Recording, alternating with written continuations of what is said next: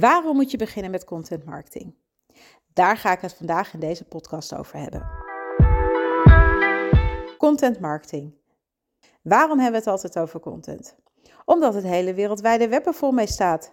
Een website kan niet zonder content. En als je online wil opvallen, dan doe je aan content marketing. Maar daarvoor heb je wel een duidelijke strategie nodig. Content komt in verschillende vormen. Denk aan een blog, een video, een social media bericht, een whitepaper, een infographic, zelfs deze podcast. Het zijn allemaal vormen van content. En content kent verschillende functies. Zo kan het vermaken, overtuigen, activeren en informeren. In het laatste geval kan het een middel zijn om mensen aan je te verbinden of om zelf klant van, van deze mensen te maken. En in dat geval doe je aan content marketing. Content marketing is een populaire marketingstrategie die veel bedrijven hebben geïmplementeerd in hun organisatie en jij kan dat dus ook doen. Maar wat is content marketing nou eigenlijk? Content marketing is volgens het Content Marketing Instituut een strategische benadering dat gericht is op het creëren en distribueren van waardevolle, relevante en consistente content om een helder gedefinieerd publiek aan te trekken en te behouden. En op termijn zal dit leiden tot een winstgevende actie vanuit de klant.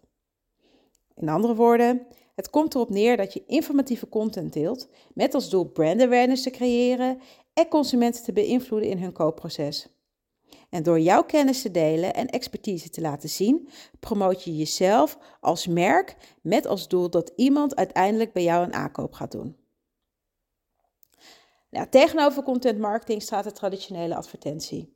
Het nadeel van deze advertentie is dat deze ons vaak lastig valt. Een reclameblok onderbreekt het televisieprogramma waar we op dat moment naar kijken op een commerciële zender, of een advertentie verschijnt in het midden van een artikel dat we online lezen. We vinden dit hinderlijk en de advertentie biedt op dat moment geen waarde, in tegenstelling tot content marketing. Want men heeft echt interesse in de boodschap van een merk. Uit onderzoek blijkt dat bijna 70% van de mensen graag content consumeert van merken die zij interessant vinden. En een andere 80% van de mensen leert graag over bedrijven via de content die zij delen. Nou, dat kan jij dus ook zijn. Steeds meer mensen doen online onderzoek voor het doen van een aankoop. En hoe groter de investering, des te intensiever het onderzoek is. Dit onderzoek begint 9 van de 10 keer mee op een zoekmachine, zoals Google. Hierbij typen mensen in het zoekveld niet jouw naam in. Nee, nee, ze zoeken naar het onderwerp wat zij interessant vinden. En als ze jouw website tegenkomen, dan komt het door de content die jij daarop hebt staan.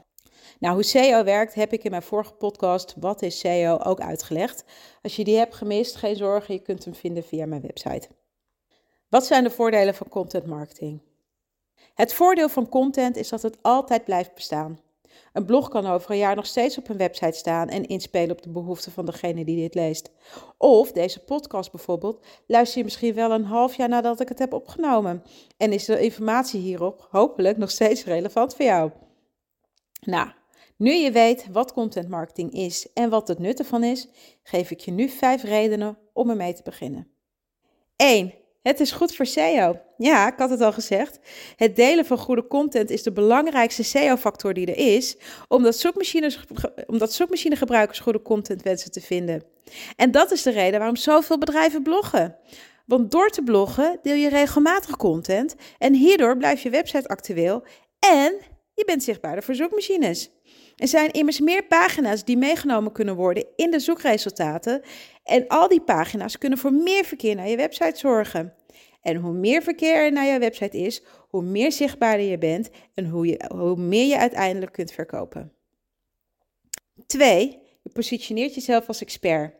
Want dat doe je door regelmatig over dezelfde onderwerpen te schrijven of te bloggen of te podcasten of video's op te nemen. Wat het beste bij jou past. Jouw publiek volgt jou vanwege jouw kennis. En wanneer zij een positief gevoel krijgen na het consumeren van jouw content, dan krijgen ze dat ook van jouw merk.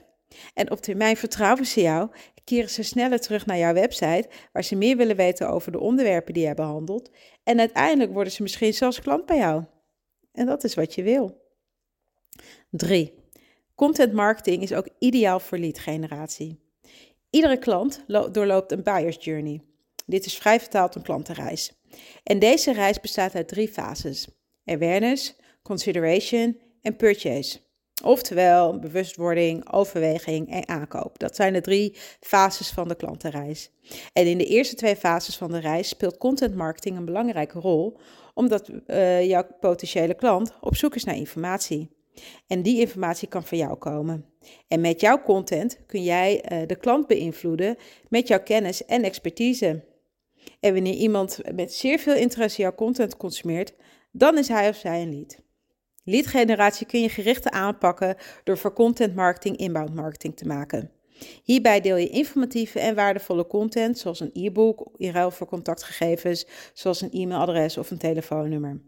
De geïnteresseerden die hun gegevens achterlaten zijn leads. Dit zijn warmere leads dan in het vorige voorbeeld. En deze leads kun je op een ander moment benaderen op het e-mailadres dat ze hebben achtergelaten of het telefoonnummer met een specifiek aanbod. 4. Je kunt het delen op social media. Het mooie aan content is, is dat je het kunt delen. En de beste plek daarvoor is social media. Dus schrijf een mooie of nieuwsgierig makende caption en je connecties of je volgers klikken op de door jou gedeelde link. Of ze navigeren naar jouw profiel als je jouw bericht op Instagram deelt.